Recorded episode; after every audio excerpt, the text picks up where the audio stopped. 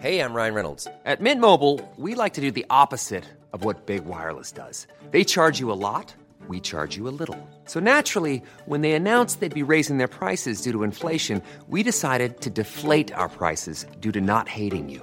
That's right. We're cutting the price of Mint Unlimited from $30 a month to just $15 a month. Give it a try at mintmobile.com slash switch. $45 upfront for three months plus taxes and fees. Promo rate for new customers for limited time. Unlimited more than 40 gigabytes per month. Slows. Full terms at mintmobile.com.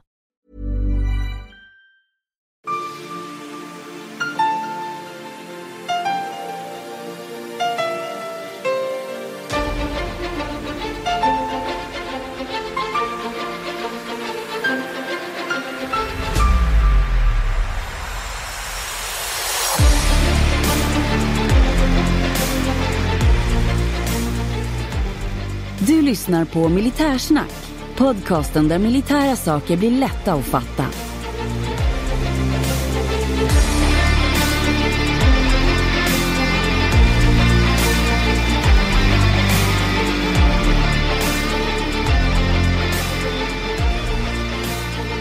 Ja men då så, då har vi ännu ett avsnitt av Militärsnack.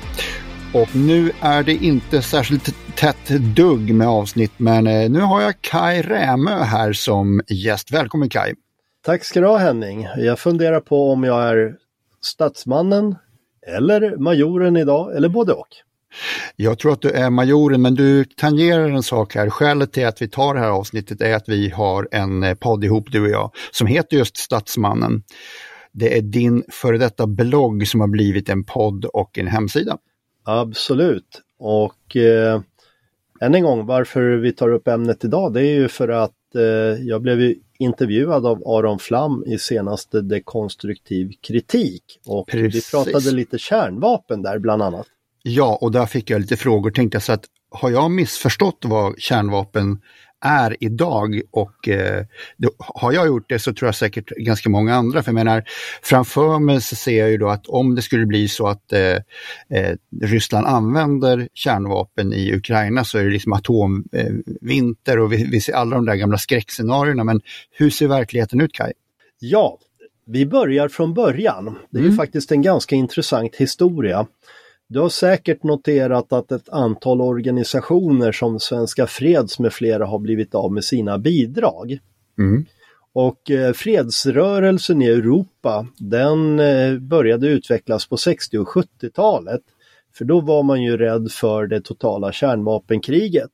Och i princip alla fredsrörelser i Europa blev ju finansierade mer eller mindre av KGB, det vill säga den sovjetiska underrättelsetjänsten. Mm. Syftet med de här organisationerna var ju att hindra västlig upprustning i framförallt Europa, Centraleuropa. Eh, om man är tillräckligt gammal så kommer man ihåg eh, proteströrelserna i Västtyskland eh, mot Pershing-missiler som skulle vara medeldistansrobotar med kärnvapen. Och eh, grejen var att det var ju kort förvarning för att de skulle nå mål i Sovjetunionen.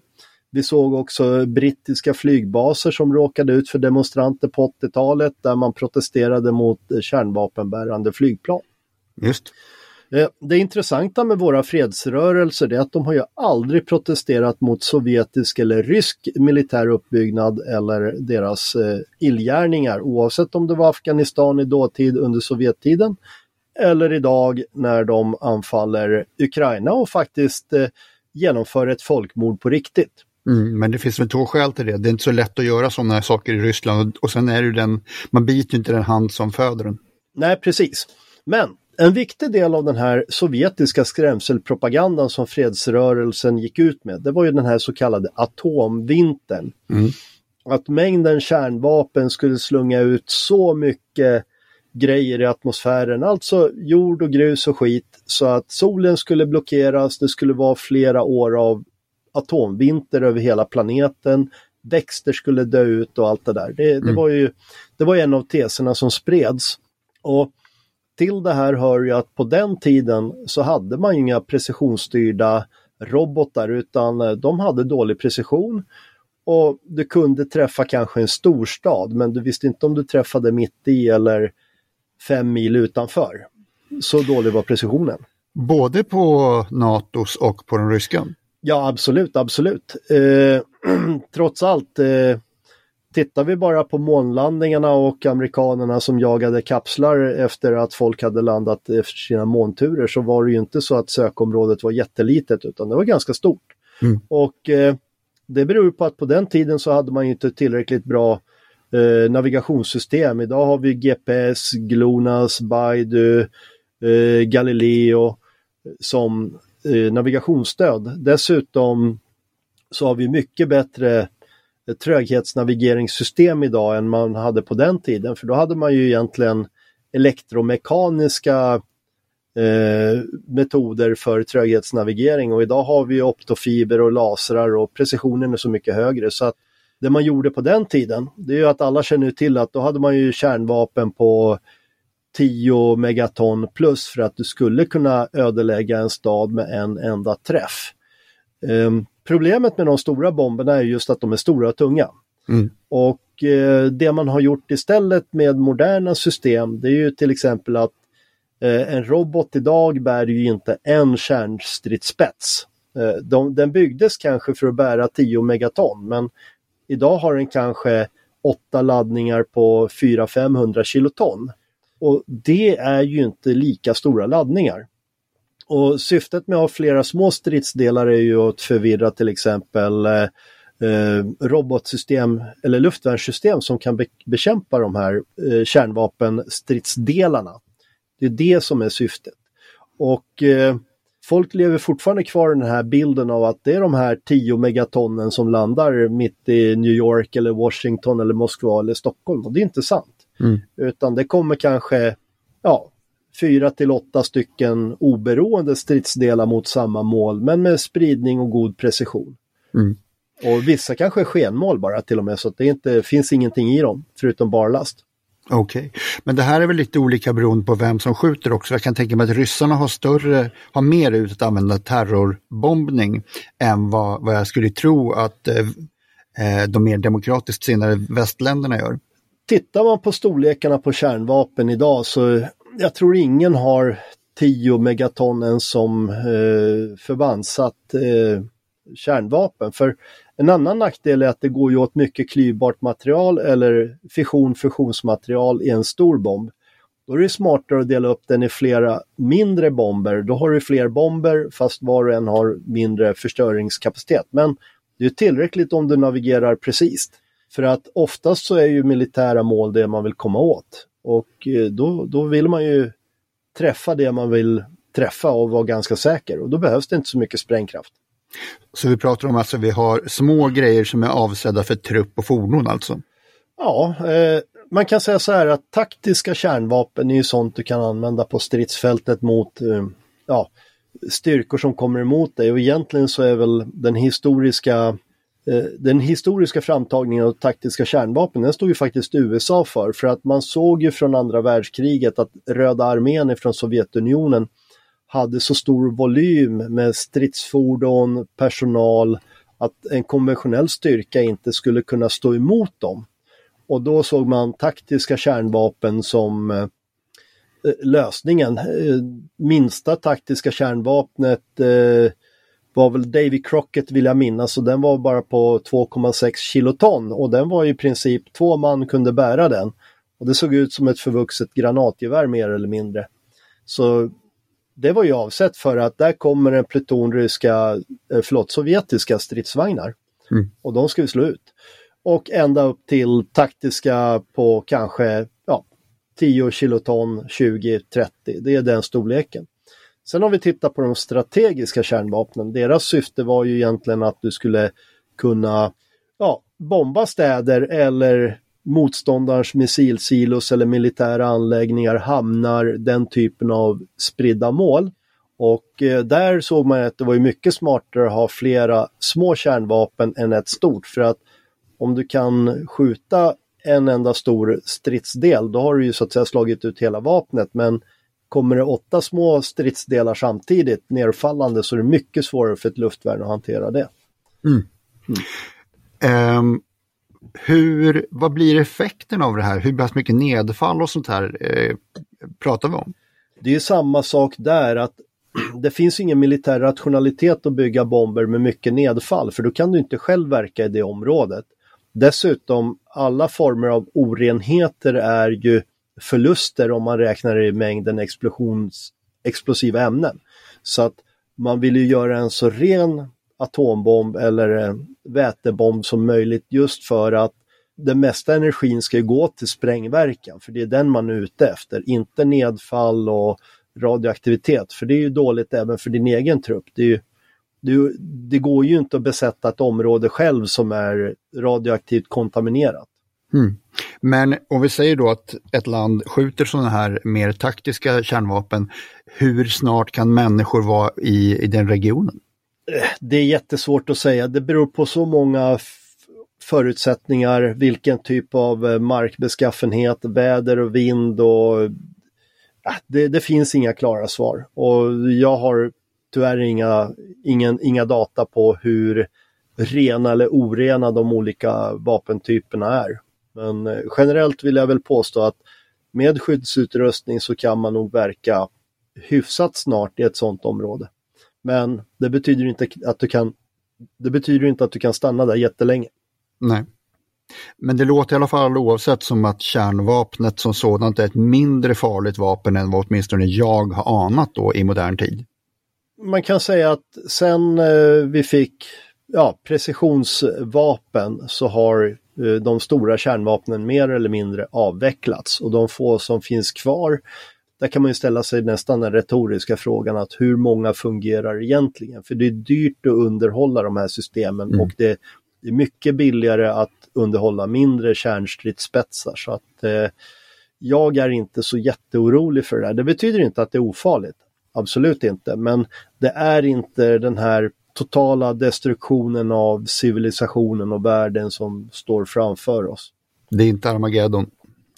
Nej, det vill jag inte hävda att det skulle vara. Det är klart att om man skjuter av precis allt som finns i världen samtidigt, men det är ett sånt scenario som är så osannolikt så mm. att vi la ju ner vårt eh, svenska kärnvapenprogram, när var det, på 50-60-talet? 60-talet, jajamän. Jag har ju skrivit i min eh, blogg om det så det finns ett gammalt, eh, en gammal artikel, Drömmen om den svenska atombomben och det är till och med en dokumentär på P1 Dokumentär så den kan man lyssna på om man vill lyssna hur det gick till. Mm. Vad har du själv för åsikter? Skulle vi haft ett atomvapenprogram? Ja, på den tiden så det Sverige gjorde var ju att man eh, frånsade sig kärnvapen och i praktiken så ingick man ju under det amerikanska kärnvapenparaplyet och det är ju faktiskt det som händer nu igen när vi går med i NATO. Mm. Sen, sen har vi den här politiska tveksamheten då att eh, är det så att eh, Trump skulle ställa upp för Europa även med det yttersta, det vill säga kärnvapenparaplyet, om han nu blir president. Och mm eh, det kan jag säga, det vet vi inte. Det är därför jag propagerar för att det kan vara läge om USA inte lämnar den säkerhetsgarantin längre att eh, då kan det vara vettigt för europeiska länder att dra sig ur icke-spridningsavtalet och faktiskt ta fram egna europeiska kärnvapen. Och det har ju diskuterats i Tyskland. Det har diskuterats i Tyskland eh, och eh, folk är ju såklart oroliga för det men det handlar ju om, ja, jag brukar retoriskt ibland säga att om Ukraina hade fått behålla kärnvapnen från Sovjettiden, hade Krim blivit annekterat då? Troligtvis inte. Jag skulle säga absolut inte, för det är faktiskt så att eh, om, om vi betraktar Putin antingen som en mafioso, vilket han är, eller en skolgårdsmobbare så inser alla att en mafioso eller en skolgårdsmobbare har ingen ideologisk anledning att eh, försöka begå självmord för sin saks skull. Så att eh, jag skulle säga att Ukraina hade fått vara i fred om de hade fått behålla de sovjetiska kärnvapnen. Mm, mm. Ja.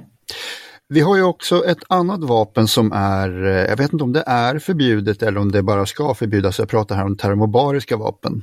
Ja, det är en intressant vapenkategori och egentligen så är det ju ett vapen som, ja, det, det sägs ju att det suger ut luften eh, och, och, och sådär i slutna utrymmen dess syfte är egentligen att det sprider i regel ett i sin initiala sprängstyrka så sprider den oftast ett väldigt eh, brännbart ämne eh, som fin aerosol.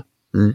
Och sen andra delen av laddningen tänder laddningen, den här aerosolen och då blir det i praktiken då att eh, dess förbränning förbrukar allt syre och det här är ju något som påstås vara väldigt lämpligt för bunkrar, fasta försvarsanläggningar och så vidare.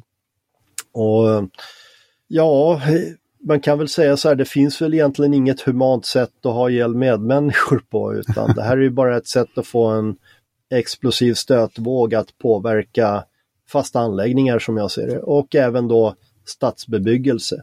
Mm. Men det, är det förbjudet att använda strider? Jag har inget minne av att det ska ha blivit förbjudet. Man har ju diskuterat det bland alla andra förbud som personminor och, och så vidare. Men jag, jag har inte sett någonstans att det skulle de facto vara förbjudet. Nej.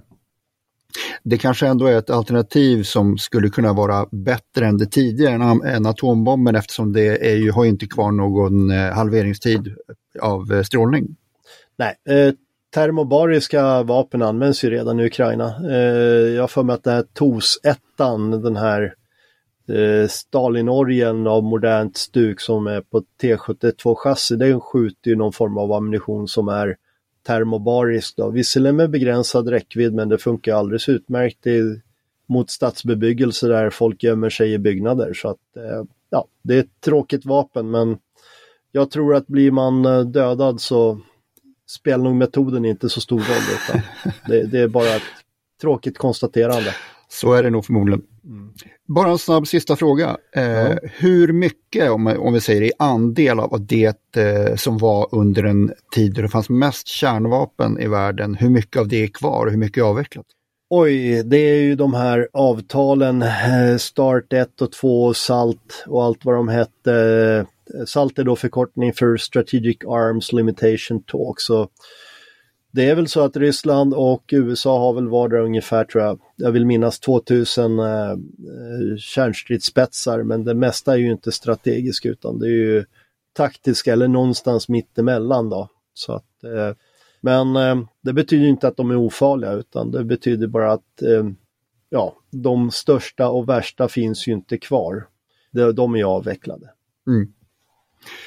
Ja, det är väl bra det. Det vore ju skönt om alla vapen kunde avvecklas, men vi har inte en värld som är full av snälla diktatorer så att eh, vi sitter nog vi sitter nog på händerna där. Ja, nej, nej det är helt sant. Eh, det är alltid så att eh, oavsett vilket vapen som används så är det ju det är ett misslyckande på sitt sätt. Och mm. det är klart att det vore väl trevligt om folk faktiskt kunde komma överens. Men Sån är ju inte världen och eh, så länge den inte är så så tror jag fullt och fast på Teddy Roosevelts eh, talesätt. Mm. Eh, carry a big stick and speak with a soft voice. Eller som Bamse säger, är man stor och stark så ska man vara snäll. Ja. Nej, men Kai, jag tackar dig jättemycket för du har bringat lite klarhet i min eh, nyvunna eh, kärnvapenförvåning. Tack så mycket. Det finns väldigt mycket på nätet, fas.org. Eh, där kan man hitta mycket om kärnvapen. Mm. Och så hittar man det du skriver på statsmannen.se. Absolut. Då tackar jag dig Kai. Tack så mycket. Tack så du ha Henning. Hej hej. Hej hej.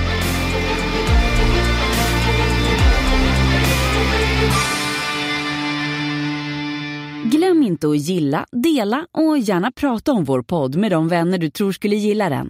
Tack!